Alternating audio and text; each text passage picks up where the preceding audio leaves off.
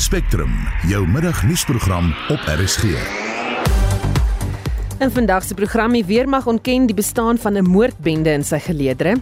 Hoekom bly die jeug weg van die stembus? Ons praat met 'n kenner daaroor en ons bespreek die VN se beroep op artikel 99 om op te tree teen die oorlog in Gaza. Welkom by Spectrum. Die redakteur is Wessel Pretorius, die produksieregisseur Johan Pieterse en ek is Susan Paxton.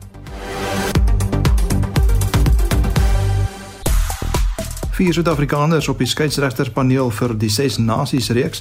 Suid-Afrika het 'n gesonde voorsprong teen die Windies in Bloemfontein en die Alfred Daniel Kampioenskap op Leopard Creek het afgeslaan. Ek is Shaun Jooste vir RSG Sport. Goed, ons praat oor eh, water en die jongste blou-groen en uh, geen druppel verslag van die departement van water en sanitasie skets 'n donker prentjie van watergehalte in die land.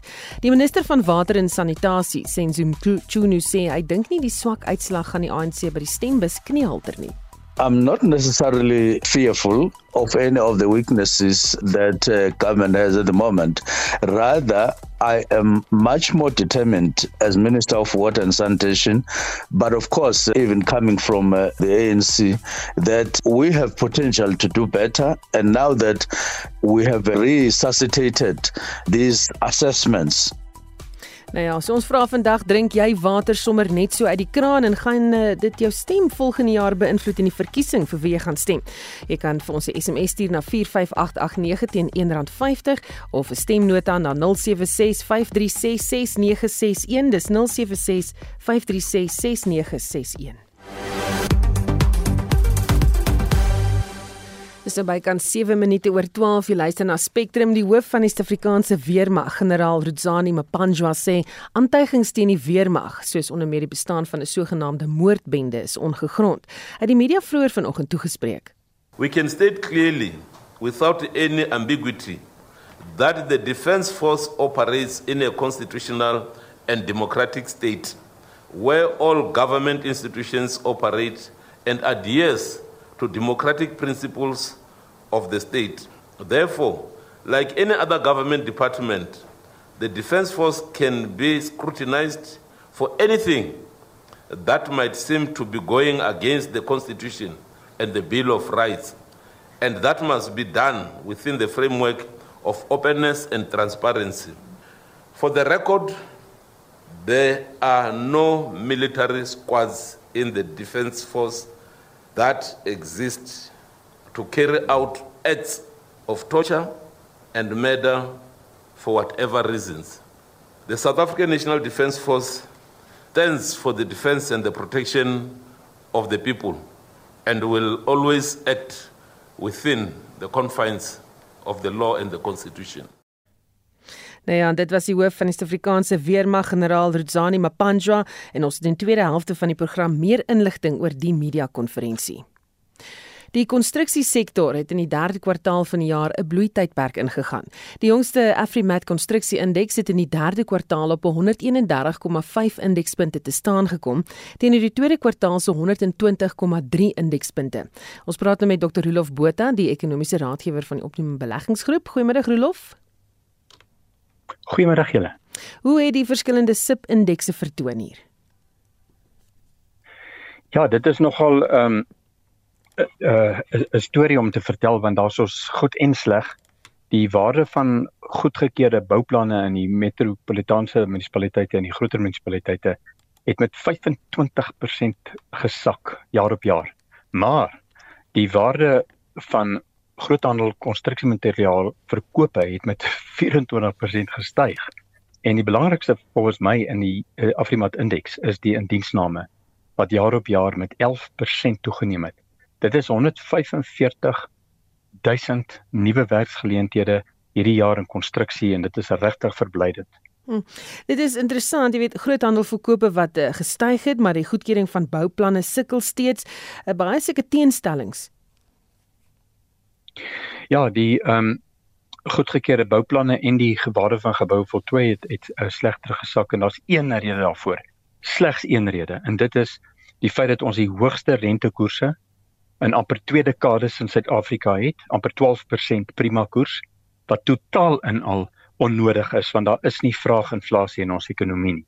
Indien die monetêre beleidskomitee nou net tot hulle sinne kan kom en die rentekoerse kan begin laat sak, dan kan die konstruksiebedryf, die boubedryf en die ekonomie volgende jaar bietjie na behore begin groei. Hmm. As kyk na daai indiensname syfers, waar het die werkskepping plaasgevind? Wel, dit is oor 'n 'n breë front. Dit is nie net in die informele sektor nie. As men indien mense die informele sektor hier byreken, dan was daardie stygings in indiensname waarskynlik nog groter want uh, die feit van die saak is dat as 'n mens ehm um, nie 'n dakboek aan jou kop het nie, dan gaan jy 'n uh, planne beraam en uiteindelik gaan daai planne om 'n dakboek aan jou huis te kry, gaan erns neerslag vind in 'n verhoging in konstruksiebedrywighede. En dit is wat plaasvind in Suid-Afrika by oomblik. Daar is 'n groot nood wat betref huisvesting. Daar's 'n groot nood wat betref uh die herstel van die paaie in Suid-Afrika en en hopelik sal die regering en die openbare sektor uh van vroeg in die nuwe jaar af dit begin besef en daadwerklik begin om planne te maak om hierdie bedryf verder uh, uh stoot te gee. Van nou vir jou vra wat sal hierdie sektor help? Wel behalwe vir rentekoerse en ek dink almal sal my saamstem wat dit betref behalwe as mens nou sakke vol geld in 'n geldmarkrekening het dan hou mens van die hoë rentekoerse. Maar as die regering kan nouer saamwerk met die private sektor want ek dink dit is nou al bewys in Suid-Afrika as mens kyk buite die Wes-Kaap nou hoe die paaie lyk as mens kyk na die hawens as mens kyk na die spoorlyne om nie eens van die krag te praat nie tensy die regering nie daadwerklik en baie vinniger die private sektor se kundigheid en doeltreffendheid in berekening bring en saam met hulle werk van die tenders uh, stadium af regdeur tot by die uitvoering van hierdie projekte. Ehm um, dan gaan ons 'n uh, bitter moeilik hierdie ekonomie laat groei, maar as hulle dit wel reg kry, dan kan ons uh, weer by ons groeikoers uitkom wat ons gehad het in vroeë jare van 4-5% per jaar vir 'n hele klompie jare in 'n ry, maar slegs met die private sektor se betrokkenheid. Dink jy die groei in die konstruksiesektor gaan nou voortduur? Ja, die vierde kwartaal uh ons is nie baie opgewonde daaroor by uh, Afrimat nie. Ehm um, as ek met ehm um, Andri van um, uh van Here in sy in sy span praat daarso uh omdat die boubedryf min of meer tot stil tot, tot stilstand kom in die middel van Desember elke jaar. Maar die ander kant van die saak is dat hulle bou nou dat dit bars om hulle sperdatums te bereik want daar's uh boeteklousules ingebou in die, van hierdie groter kontrakte. En dit lyk my Sandra het ook nou uiteindelik wakker geword en hulle gaan 'n uh, bietjie tenders begin uitreik maar uh volgende jaar wel maar die vierde kwartaal uh, dit gaan uh, baie moeilik wees om hierdie 9% kwartaal op kwartaal groei in die Afrimat indeks um, te ewenaar. Hm. Baie dankie dit was Dr. Rolof Botha die ekonomiese raadgewer van die Optimum Beleggingsgroep. Die ANC Veterane Liga adjunk president Mavuso Msimang het besluit om na 6 dekades bande te sny met die ANC. Msimang sê die party staan op die punt om sy mag te verloor. Msimang se brief aan Fikile Mbalula volg kort nadat Mbalula die Veterane Liga aangevat het omdat hulle glo veldtog teen die ANC voer met hulle uitlatings. Msimang het vroeër aan SAK nuus gesê hierdie is seker die moeilikste ding nog om oor te praat. This is the most difficult interview, but I'll let you ask. Well, you know, It's not something that happened yesterday or I've been thinking about my role in the organization, what the organization itself has been doing. You may know that I was part of a, a team that was asked to put together the Veterans League of the ANC, whose mandate had lapsed because they had not been able to hold elections in time. It was nine months of very hectic work, which resulted in the setting up of the Veterans League. I honestly didn't think I would be part of that because I do have quite a few things that I'm doing. But with the urging of colleagues, I came in and so on. The function of a Veterans League or of veterans or older people in any association or party is that of uh, helping the organization, the leadership in particular, sticks to the values of the organization. It's a mandate that is not legislated. Uh, uh, but it, when people believe that uh, others who have no direct interest either in getting positions or getting businesses or anything and provide counsel, it's taken seriously. It's not been possible. In my experience, I'm living very many people who believe that they'll still be able to persuade the leadership to do that. Msimang sê dit wil voorkom of daar nie die wil is in die ANC as party om homself reg te ruk nie. The truth is that the very difficult decision for the ANC to agree that really to regain its credibility and the trust of the people, it should indicate very clearly to all South Africans that it has no track with corruption. And if they would have taken from the very many ANC members and said, guys, you have, you're not tainted, come in and help the organization. I have no doubt that we would sail across this 50% mark with ease. But as things stand now, we've got to be trying to work out how best to go into a coalition with other people simply because people will still point to a number of people who ought to be answering questions about their behavior coming forward and say vote for the ANC, vote for us. Msimang sê nooit het die organisasie 'n veldtog teen die ANC gevoer nie, maar mense wat korrup is, kan nie die mense dien nie. Good luck to them and uh, the country wants to do that. I really don't want the Secretary General says the veterans are de-campaigning against this thing. It's uh, as long as I was a member of the ANC, I would speak together with others or individually about issues that I thought were important towards upholding the integrity of uh, the organization. But no, associated with corruption would be placing uh, at the service of the people incompetent people En dit was die voormalige ANC veterane liga adjunk president Mavusa Msimang. Ons bly by die storie en praat nou met die politieke ontleder Dr. Asker van Heerden. Goeiemôre Asker. Goeiemôre Susan, goeiemôre aan die luisteraars. Jou indrukke van die redes wat hy verskaf het, hoekom hy bedank? Ja, kyk, ek dink maar so vir vir 'n hele rukkie nou het al probleme gehad met die leierskap van die ANC. Hy het probeer om om te sê wat sy bekommernisse is en ek dink hy is op 'n punt waar hy voel dat uh, hulle geen die nodige aandag aan sy sy bekommernisse nie en ek dink dit is uh, jammer te dat hy nou op die stadium besluit het hy gaan na uh, bedank. Is Fikile reg dat die veterane die party se naam swart smeer? Ekskuus Susan sê weer. Is Fikile en Balula reg dat die veterane die party se naam swart smeer? Nee, ek dink nie ek dink jy is reg nie. Ehm um, die die feit van die saak is die, die, die argument wat hy vorendag sit is dat uh, soos altyd sê die ANC leierskap dat uh, hierdie is kwessies wat binne die organisasie moet uh, gehanteer moet word. Daar's geen sins nodig om buitekant toe te gaan na die publiek toe nie. Ehm um, daar is kanale tussen die leierskap van die ANC en die veteraanliga en ek dink hy het net 'n bietjie uh ja, hy hy is net bekommerd dat meer en meer mense gaan na die buite toe in die publiek en en en en en stel hulle punte aan in die publiek in plaas van om saam met hulle te praat in die organisasie. Gaan hierdie dalk daartoe lei dat nog mense wat ontevrede is met die party dalk ook van die skip klim? Jong, ek dink nie so nie, maar die feit van die saak is baie mense in die ANC gaan nou twee keer dink in terme van die punte wat wat Mavuso ge, uh, ge, ge, 'n melding gemaak het van. Um, en ek dink hulle gaan natuurlik sê, jy weet, daar is sekere dinge wat aangespreek moet word. Uh en ons wil kyk of die die leierskap nou dit gaan aanspreek, want inder indien hulle dit nie doen nie, dink ek dan gaan sekere mense besluit nee, dis miskien tyd dat hulle ook die pad vat. Baie dankie, dit was die politieke ontleder Dr. Asker van Heerden. Die vierde en finale Republikeinse presidentsiële kandidaatsdebat is gister deur die televisienetwerk News Nation gehou. Die voormalige president van die VSA, Donald Trump, het in sy afwesigheid geskitter. Hy het eerder 'n geldinsamelingsfunksie in Florida gehou. Vier kandidaate het aan die debat wat in Alabama gehou is deelgeneem. Hulle is die goewerneur van Florida, Ron DeSantis, die voormalige VN-ambassadeur van die VSA, Nikki Haley, die entrepreneur Vivek Ramaswamy en die voormalige goewerneur van New Jersey, Chris Christie. Ons praat hieroor met professor Pieter Dievenager, die dekaan van die departement Geestes of Geesteswetenskappe aan Akademia. Goeiemôre Pieter. Goeiemôre Susan. Trump het met 58% steun onder voornemende kiesers by die eh, weet by verre die meeste steun. Sou dit moontlik 'n kop-aan-kop stryd tussen Trump en Biden kon wees?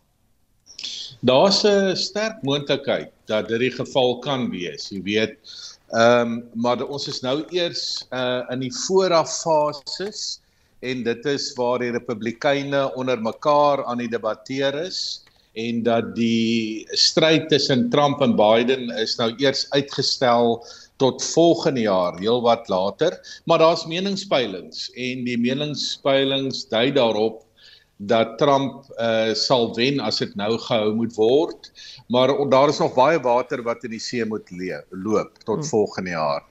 So dis nog heelwat ver. Jy weet dit lê nog in die toekoms. Hoekom dink jy woon Trump nie die presidensiële debatte by nie?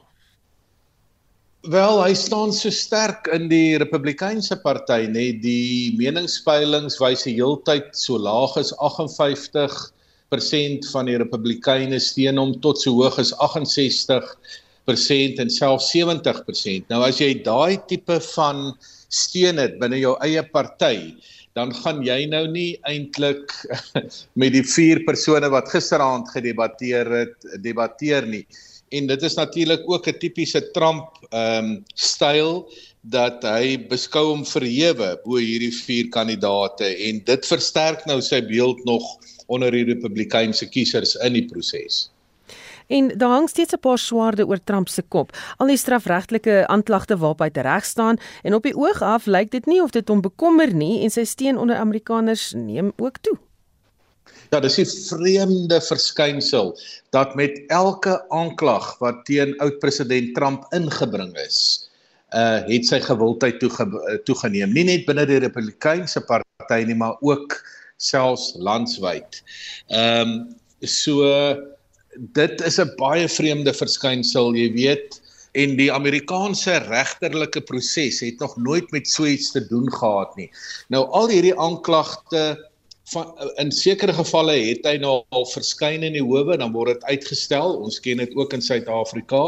En van die belangrikste aanklagte gaan nou eers volgende jaar voor die hof kom.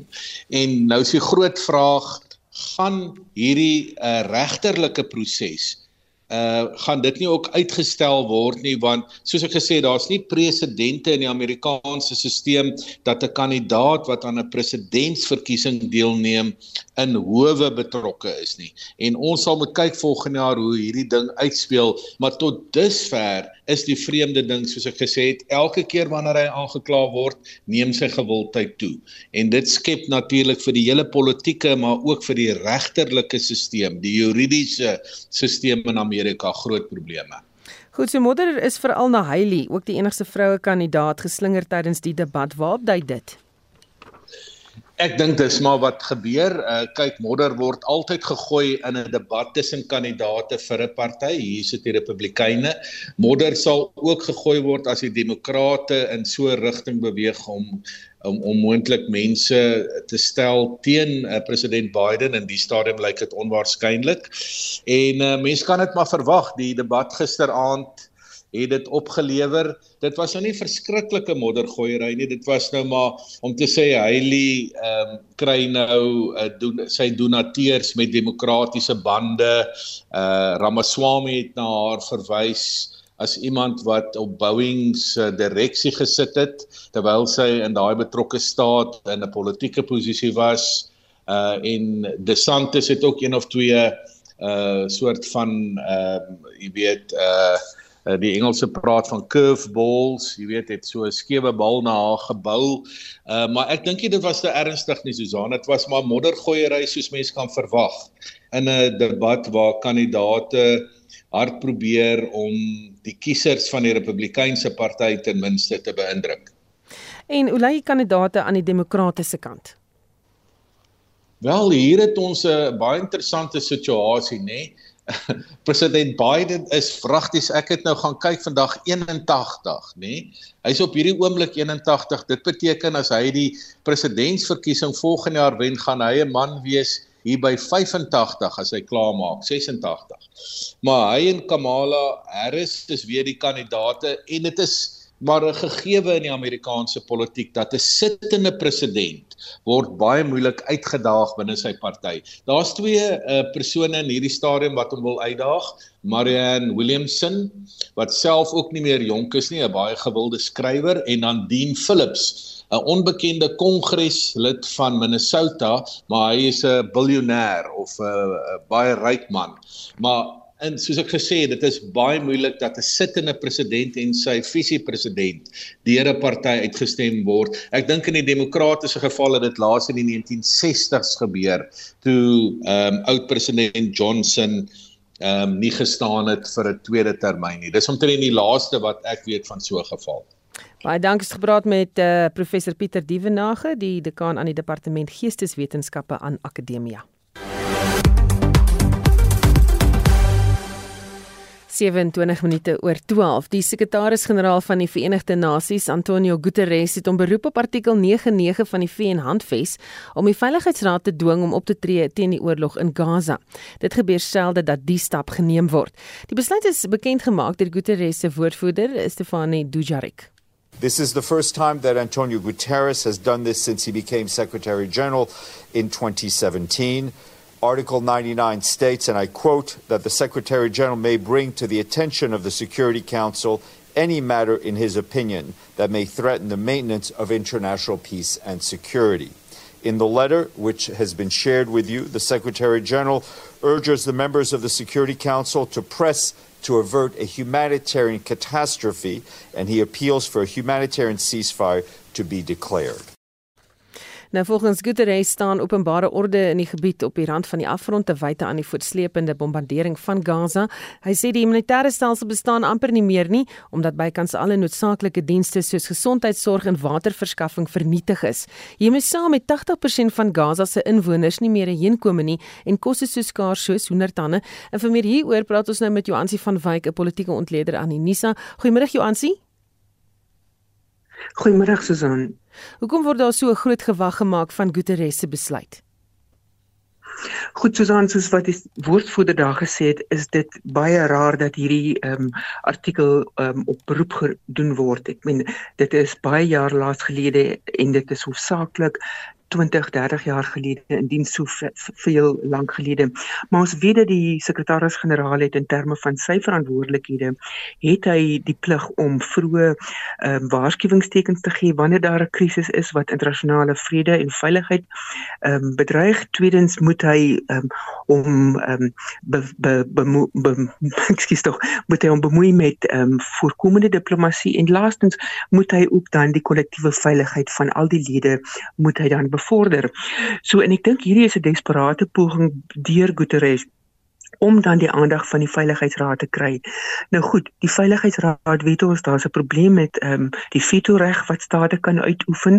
Ehm um, en dit is natuurlik een van die redes wat ehm um, Guterres gesê het is dat hier is 'n ramp aan die gang en die, die lande wat 'n verandering kan maak is die veiligheidsraad. Maar goed, die gevaar bestaan nou dat die veiligheidsraad hom op artikel 33 van die handves kan kan ehm uh, beroep waar waar daar staan is dat die veiligheidsraad kan vir die partye sê maar julle moet eers onderhandel, julle moet eers um, inligting inwin, mediasie in die hande kry, konsiliasie en arbitrasie. Maar goed, ons hoop dit gaan nie soontoe nie. Um, ek dink miskien die eerste stap is dat Guterres die ore gaan kry van die veiligheidsraad dat hy miskien voor hulle 'n aanbieding kan gaan doen. Um, en natuurlik dan die belangrikste is dat daar moet 'n mate van 'n van 'n skietstilstaak 'n skietstaking kom, maar dit sal slegs slegs besig uh, gebeur wanneer daar dan 'n resolusie aanvaar is. Die uh, Verenigde Arabiese Emirate is tans besig om 'n 'n resolusie um, voor te berei wat hulle graag daarbey wil indien maar soos ek sê die gevaar bestaan dat dit wel uh, geveto kan word en dat daar geen ander opdrag um, sal kan kom van die VN nie. Guterres het uh, nie die middele om hierdie ehm um, um, skietstilstand te bewerkstellig nie en ek meen hy tree ook op um, omdat so baie van sy eie personeel natuurlik al omgekom het en in moeilike situasies hulle self bevind in die gebied. Israel se minister van buitelandse sake Eli Cohen het skerp hierop gereageer. Hy sê Guterres is 'n bedreiging vir wêreldvrede en dat hy 'n masse kan kies. Wat dink jy? Kyk, hy mag nie kan kies nie. Dit is um, in een van die um, vyf artikels wat um, hom aan die um, van die handves wat hom aan die uh, veiligheids uh, van die sekretaris-generaal verbind sê dit dat hy mag aan geen staat ehm um, die die knie buig nie. Maar ons weet nou ook dat Israel het eintlik van die begin van hierdie konflik homself baie krities uitgespreek teen Guterres dat hy so so um, sodanig kan kies. Ons weet ook dat Guterres het vroeg ehm um, na die aanvalle van die 7de Oktober het hy um, die Rafah-hek aan die kant van um, Egipte besoek en het hy natuurlik nou homself baie sterk uitgespreek teenoor um, Israel se gedrag. So ek dink hierdie is nou maar 'n tipe van 'n woordewisseling wat deel van hierdie konflik is en ek dink uh, Guterres se poging is om net om die temperatuur af te draai en die geraas af te draai sodat daar koelkoppe kan wees om hierdie situasie op te los. Goed, jy is nou in Brussel, België waar jy die EU se konferensie teen die verspreiding van wapens en ontwapening bygewoon het. Wat word daar in die gang gesê oor Gaza? Goed, ehm um, Susan, Gaza was wel op die op die agenda hier. Ehm um, Die konferensie het 'n verskeidenheid van nuwe en ou veiligheidsvraagstukke aangespreek soos uh, kleiner wapens, atoomwapens, um, chemiese wapens en so meer. En daar is wel melding gemaak van die situasie wat in die Midde-Ooste aan die gang is. Maar van groter belang was die was die fokus wat op Rusland en Oekraïne hier gedien het. Gaza word wel beskou as as 'n as 'n veiligheidsvraagstuk, maar die EU, EU is baie ehm um, ehm um, beklemtoon by die feit dat daar verskille is tussen NAVO en die EU. NAVO dit is die kom ons sê maar die gewapende vleuel van die Europese Unie as ek dit sou kan stel nie heeltemal so nie maar by wyse van spreuke en dat ehm um, die EU hoofsaaklik deur middel van ehm um, vrede en gesprek sake wil oplos maar ons weet dan ook dat dit 'n belangrike ehm um, vraagstuk is wat tans op die veiligheidsagenda van die Europese Unie dien. So wat Oekraïne en Gaza dan betref, wat hou 2024 in? Goed, ons weet nou dat die Amerikaners het ehm um, gestem ehm um, in hulle parlementêre kompleks rondom die ehm um, fondse wat nie beskikbaar gestel gaan word nie. Ons weet ook dat die Amerikaners nou in 'n verkiesingsjaar ingaan. Europese lande gaan ook binnekort in 'n verkiesingsjaar in en dit gaan natuurlik 'n groot verskil maak want ehm um, die kandidaat te wil graag vir hulle burgers wys dat hulle heelwat meer aan binnelandse sake wil wil ehm um, aandag skenk. Ons weet dat Oekraïne ehm um, dit lyk my asof ek Engels kan gebruik 'n um, bietjie van 'n Ukraine fatigue besig is om homself um, te manifesteer. Hier word gepraat hier in um, Brussel van die post-oorlog situasie asof daar alreeds 'n oplossing gevind is terwyl die Oekraïners met wie ek hier te doen gehad het sê maar ons ons is ons is nog steeds 'n staat van oorlog. Daar is geen ehm um, gaan op ophou nie. Maar goed, hmm. dit dit wys dat Europa verder dink, maar dit is weliswaar nog 'n lang pad om te gaan. Baie dankie, dit was professor Joansi van Wyke, politieke ontleder aan Unisa. Jy luister na Spectrum op RSG. In die tweede helfte van die program die weermag ontken die bestaan van 'n moordbende in sy geleedere en die jongste golfnuus van die Alfred Dunhill Kampioenskap bly ingeskakel.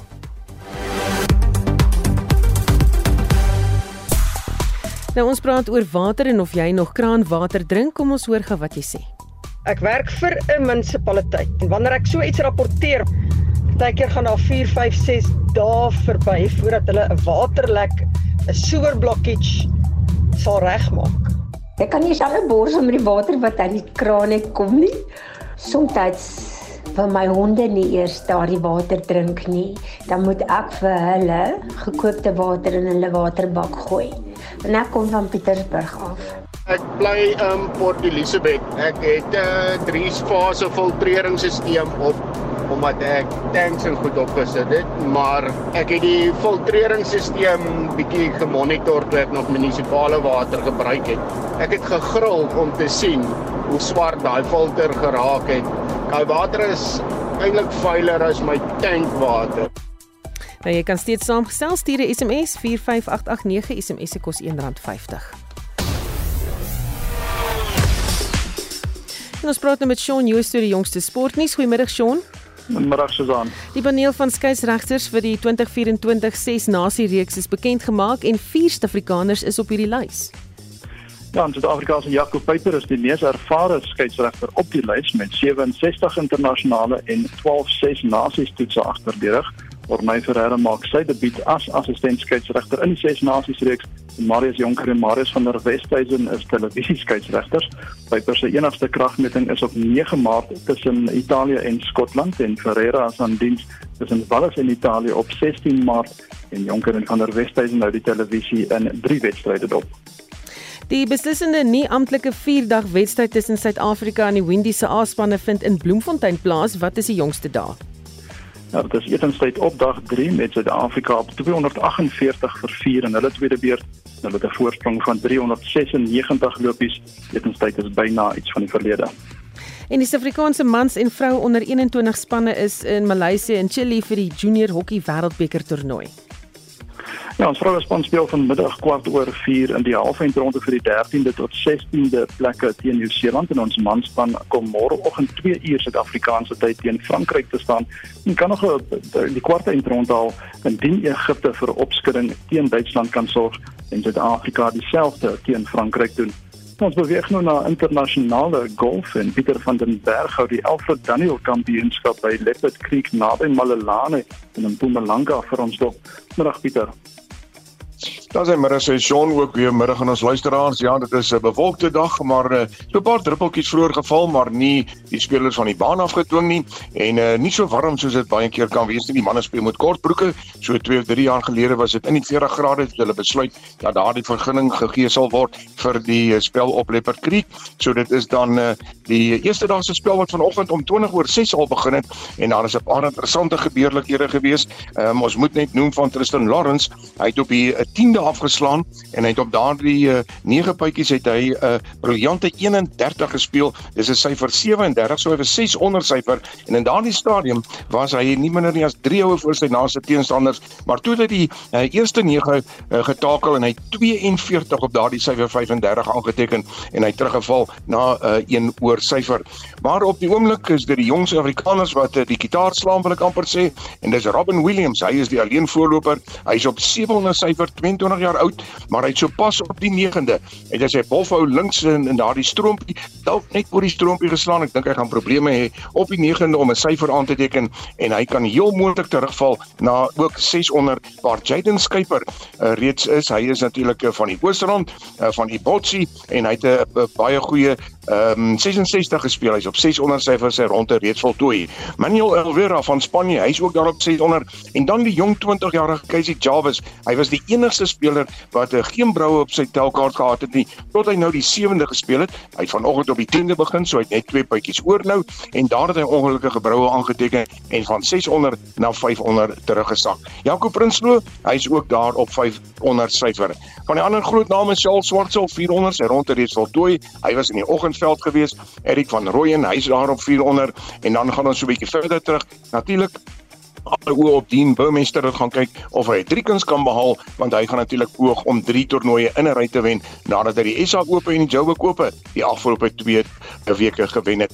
Dit is uh, die jongste nuus dan, uh, die uh, beste telling dan 700, maar Robin Williams sal hard moet werk op die 9de. Dis sy laaste puitjie vir die dag om op 700 te bly met Jaden Skyper en Manuel Elvera daar op 600 syfer. Ek gesels weer in 360 ook later vanmiddag in Spitsbergen en die res van die naweek. Dit is die jongste golfnuus Susan daarmee terug na jou in die Spectrum Ateljee in Johannesburg. Baie dankie en dit was Pieter van der Berg van RSG Sport. 18 minute voor 1. Suid-Afrika se jeug is nie apaties nie, maar bly eerder weg van die stembus weens hulle ontevredenheid met regeringsprestasie, politieke partye en demokrasie in die algemeen. Dis die bevinding van 'n opname deur die Raad vir Geesteswetenskaplike Navorsing vir volgende jaar se verkiesing. Die inligting is tydens 'n verkiesingskommissie geleentheid in Kempton Park oos van Johannesburg bekend gemaak. Die studie het bevind dat baie jong mense verkiesings boikot weens hulle oortuiging dat hulle individuele stem nie 'n verskil maak nie. Die navorsing oor Suid-Afrika se demokrasie dui op die mees negatiewe stemming voor verkiesings tot nog toe, met 'n toenemende ontevredenheid van Suid-Afrikaners met die funksionering van die demokrasie. Syfers toon dat 57% van Suid-Afrikaners op die oomblik ontevredenheid met die demokrasie uitspreek in vergelyking met die 28% wat wel tevrede is. Die jeug is geen uitsondering nie. Ten spyte hiervan sê die RGN-navorser Samela Mtengizane, daar is hoop. There are two silver linings here. The first is that there is a persistent belief in the importance of voting amongst many youth in our country. Remember, we said close to 60% of our sample said, I do believe that we should vote, but I will not vote anyway. And it's the reasons we just cited across our study right now. And yeah, a sizable minority, they still believe it is the duty of us to vote. So the youth want to vote, but they are dissatisfied by various reasons when it comes to democracy and our governance. Die hoogste vlakke van ontnugtering onder die jeug is in Gauteng en KwaZulu-Natal aangeteken. Die opname het bevind dat jeuggetekende intervensies nodig is om jong mense in Suid-Afrika aan te moedig om te stem. Die RGN-navorser Alude Mahali sê jong mense met wie hy gepraat het, wil verantwoordbaarheid aan die kant van verkose verteenwoordigers sien en behoorlik bemagtig word om deel te neem. We are smarter than these cheap inducements that political parties and others try to bring to us. Yes, we're hungry. We need food, but we don't want food parcels. We want people to come and tell us, empower us with information about the IEC and other skills. They also shared that IEC should hire youth for outreach and that they should use youth targeted recreational programs as a vehicle for civic education, things that they enjoy. They said we enjoy jiving, so do something around that. I love soccer, for example. So they can host a tournament, and after the tournament, they can explain the importance of voting for us. And of course, em employment. Die deelname van onafhanklike kandidaate aan volgende jaar se verkiesings en die heersende neiging van koalisieregerings sal Suid-Afrikaners waarskynlik ontmoedig om te stem. Die RGN se navorsingsdirekteur Ben Roberts We asked, do political party coalitions make you more or less likely to want to vote in elections? 29% said it would reduce their appetite to turn out party coalitions. 37% said it reinforced their interest in turning out. And probably about another third were sort of more ambivalent. On the independent candidates, obviously South Africans haven't had as much exposure, certainly not in national provincial elections, to, to independents like they have with party coalitions. We find that 30 percent found that, that the idea of independence made them more inclined to want to turn out, but th- slightly greater share of 36% said it reduced their interest in elections. 'n Aantal aanbevelings om kiesers en die jeug na die stembus te lok is buite die mandaat van die verkiesingskommissie. Dit sluip in die skep van werk, die verbetering van dienslewering en bekamping van korrupsie. Die opname toon egter dat die OVK baie moet doen soos om stemlokale toeganklik te maak, meer kiesersopvoeding en bewustheid te verskaf en vrye en regverdige verkiesings te verseker. Hierdie bydra van Busi Chimombe van ons politieke redaksie en ek is Hendrik Martin vir SAK nuus. En ons praat nou ook verder met professor Dirk Coetzee, politieke ontleder van Unisa. Goeiemôre Dirk. Goeiemiddag Susan. Uh, jy was ook gister daar en die navorsing toon dat uh, mense baie negatief is oor die land en dit gaan beïnvloed of hulle gaan stem of nie. Um, wat is die implikasies daarvan? Wel dit gaan implikasies hê vir die politieke partye, um, want eh, 'n uh, hoë stempersentasie is veral byvoorbeeld relatief goed vir die vir die ANC. 'n Lae stempersentasie is beter vir die oppositiepartye in die algemeen. Dis nou natuurlik vir oor vir algemeenings wat dit maak maar dit is uh definitief die geval dat partye sommige partye gaan bevoordeel en ander benadeel word. Maar stempersentasie is belangrik omdat dit 'n uh, aanduiding gee van wat die belangstelling in verkiesings is. Um en tweedens is dit 'n uh, manier waarop daar kredietwaardigheid of geloofwaardigheid aan aan die uitslae van die verkiesings gegee word. So as daar byvoorbeeld volgende jaar koalisieregerings gevorm moet word, dan moet ons kan sê die meerderheid van dit is die dis die wens van die meerderheid van die bevolking en nie net in 50% of 55% nie maar die oorgrootste meerderheid van die bevolking. So volgende as 'n verkiesing gaan as gevolg van hierdie politieke ver, veranderings wat moontlik kan plaasvind nog meer belangrik wees as vorige uh, verkiesings. Is dit net die jeug se ontevredenheid met die regering en die demokrasie wat maak dat hulle nie stem nie of daar of daar is daar nou iets anders ook?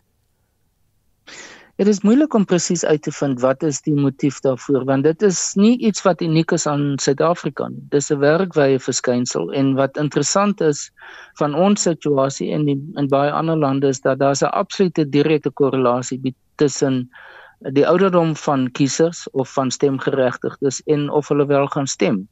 Uh dit beteken mense bo 60 is 'n baie hoë persentasie van hulle stem uh, no tussen ehm uh, 30 en 50 is ook baie hoog, maar as ons soos 'n mens die die kiesers of uh jonger word, so is daar minder van hulle stem. So dit ek dink dit het uiteindelik sal mense uh, argumenteer dat dit baie te maak het met die aard van politiek in die algemeen en die geloofwaardigheid van politieke prosesse en politieke partye en of die jong mense dit sien as iets wat relevant vir hulle is as ek dit tot hulle spreek en op die oomblik lyk dit natuurlik asof dit nie die geval is nie.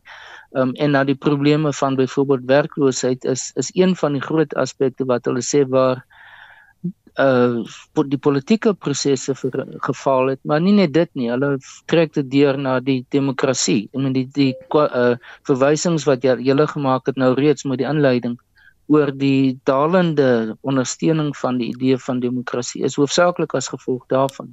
So dit gaan nie oor demokrasie per se nie, maar eerder die feit dat demokrasie vir mense moet kan werk. Hm. Baie dankie, dit was 'n politieke ontleder van Unisa professor Dirk Coetzee. Vandag se sake nuus word aangebied deur Chris Weemeyer, portefeuljebestuurder by PSG Wealth Pretoria. Oos, goeiemôre Chris. Goeiemôre Susan, ons het vandag um, net ons tekort op ons lopende rekening het teruggesak na 19.3 miljard rand in die derde kwartaal. Dat die mark verwag dat daai tekort by 111 miljard rand sou wees en dit sê maar net dat Suid-Afrika nie tans baie goed invoer nie. Ons weet dat daar probleme is met die skepe, maar uh, nie baie goeie nuus vir ons dat daar so enorme tekort is nie. Ons het ook vanoggend ons goud en en buitelandse reserve het uh, gestyg na 61.7 uh, miljard dollar toe van uh, verlede maand vorige maand se 60.9 miljard rand. So uh, dit uh, die die die markte internasionaal maar in die rooi vandag dis maar Japan wat hulle sê dat hulle van 'n negatiewe rentekoersbeleid gaan beweeg en markte bietjie onder druk. By ons die algehele indeks uh, tans 419 punte laer op 74981. Die finansiële indeks verloor 1,4%, leverage uh, indeks tans 'n kwart persent laer en Albron ook 'n kwart persent laer. Uh, van die maatskappye wat die oog van gister het ons gesien dat British American Tobacco by die 10% laer gesluit het nadat hulle 'n Amerikaanse beleggings afgeskryf het, dus 'n 25 miljard dollar belegging en uh, die prys was gister onder druk. Hy staan net so by 'n persent sterker, R536.35 van die ander aandele wat die wat die oog vang as mens net na die miners gaan kyk vandag. Uh, sien ons uh, Thungela van die Stenko miners 2,2% hoër, Combine 1,1% sterker, Glencore 0,5% hoër en dan by die verloders ArcelorMittal dan is nou 85 sent 7.6% laer en dan ook uh, Marion Robert 6% laer uh, by die banke en die finansiële maatskappye sien ons net vandag ook net so 2 2,4% laer Netbank 2,4% laer First Rand 1,9% laer en Absa tans 1,7% laer so wêreldwyd maar uh, markte in die rooi ons sien in Londen verhandel die FTSE nou 0,2% laer en Frankfurt die DAX 0,2% laer en in Parys is die CAC nou 0,1% laer. Die rand wat uh, vanoggend gaan draai hier by R19 vir Amerikaanse dollar verhandel nou op R18.84 die euro op R20.29 en 'n pond nou op R23.70 goudprys op 1200 1000 en en 33 2033 dollar per per fyn ons platinum op 899 dollar per ons en dan die olieprys wat uh, baie aantreklik vir hom loop 75 dollar 25 per vat. Dis al van my kant af vandag se dan baie dankie. En dit was Chris Weemeyer, portefeuljebestuurder by PSG Wealth Pretoria Oos. Die hoof van die Suid-Afrikaanse Weermag, generaal Ruzani Mapanjwa, sê aantuigings teen die weermag onder meer die bestaan van 'n sogenaamde moordbende is ongegrond. Hy het die media vroeër vanoggend toegespreek hieroor en ons praat nou met die direkteur van Open Secrets, Henny van Vuren, wat uh, al hierdie aantuigings gemaak het. Goeiemôre Henny. Goeiemôre Susan, goeiemôre aan die luisteraars. So soos ek nog sê het van die aantuigings of verslae waarvan die generaal praat is deur julle bekend gemaak. In 'n netedop, wat is julle aantuigings? Wat het julle ondersoek bevind? Ja, baie dankie Susan. Ek kan Engels beantwoord as. But you know, we we Open Secrets has based on evidence we've been provided by whistleblowers and there are a number of whistleblowers.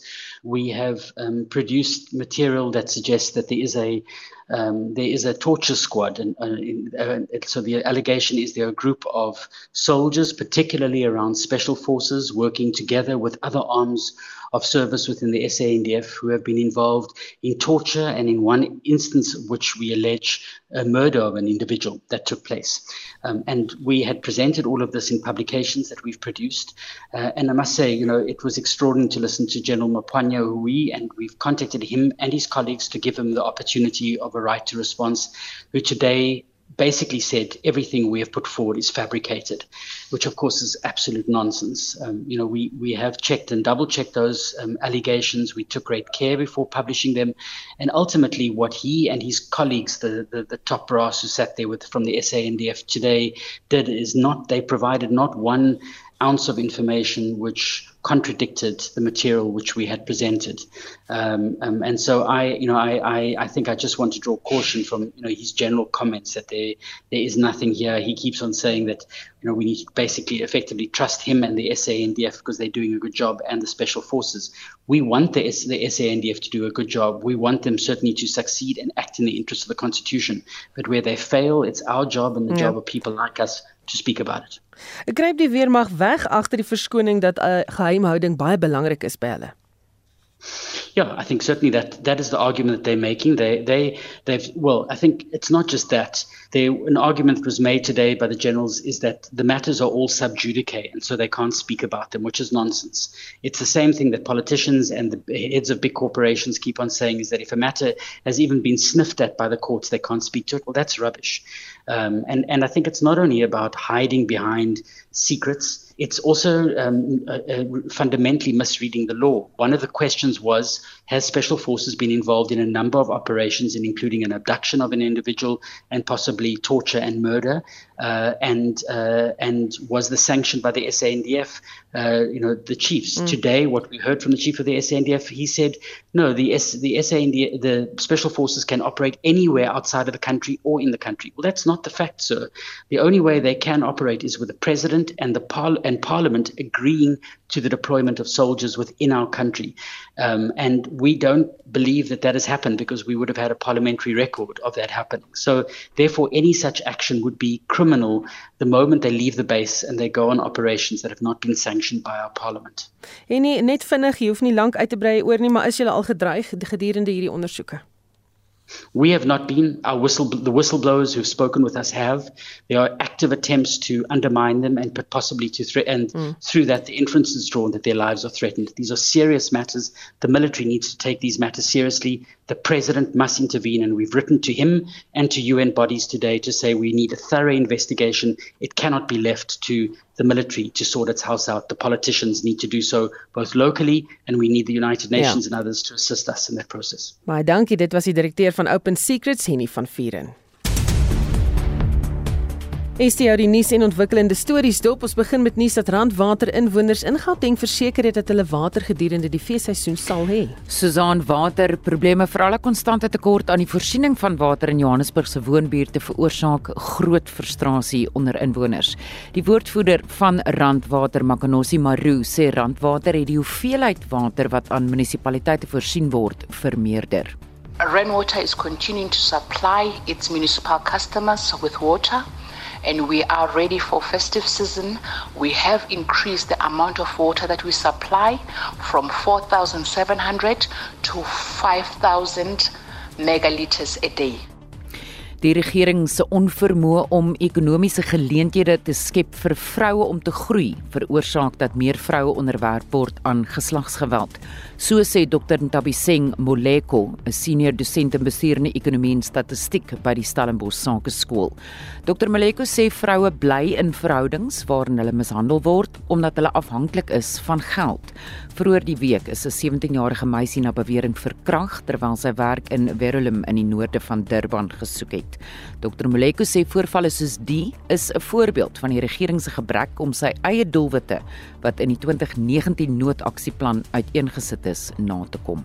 The target and the intervention that were purported to be done, only 22% of these targets were implemented and the balance was not achieved. That would mean that 15% were partially achieved. If I add that 15 to the 64% that were not achieved at all, that would add up to almost uh, 80 plus percent of targets were not achieved. So what we're seeing here is the inability of the state to exercise its promises and the interventions that they would have said they would outline and, and put in place to quell GBV and femicide. In internasionale nuus is 'n noodtoestand in Seychelles verklaar na 'n massiewe ontploffing by 'n industriële gebied op die hoofeiland Mai. Verskeie mense is in die ontploffing wat ook grootskaalse oorstromings teweeggebring het, beseer. Die ontploffing het plaasgevind op die perseel van 'n konstruksiemaatskappy waar plofstof gestoor was.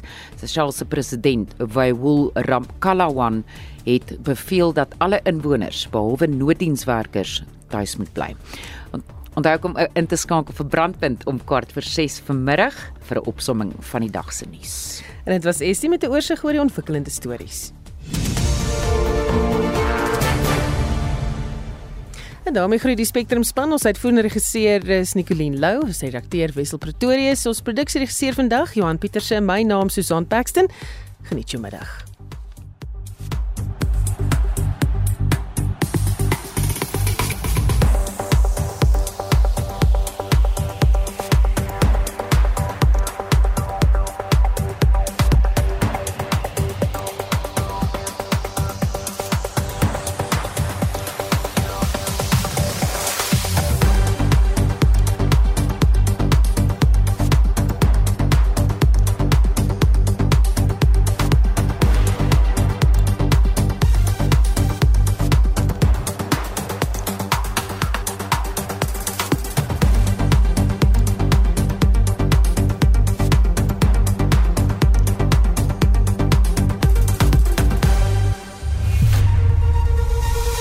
SAK nuus.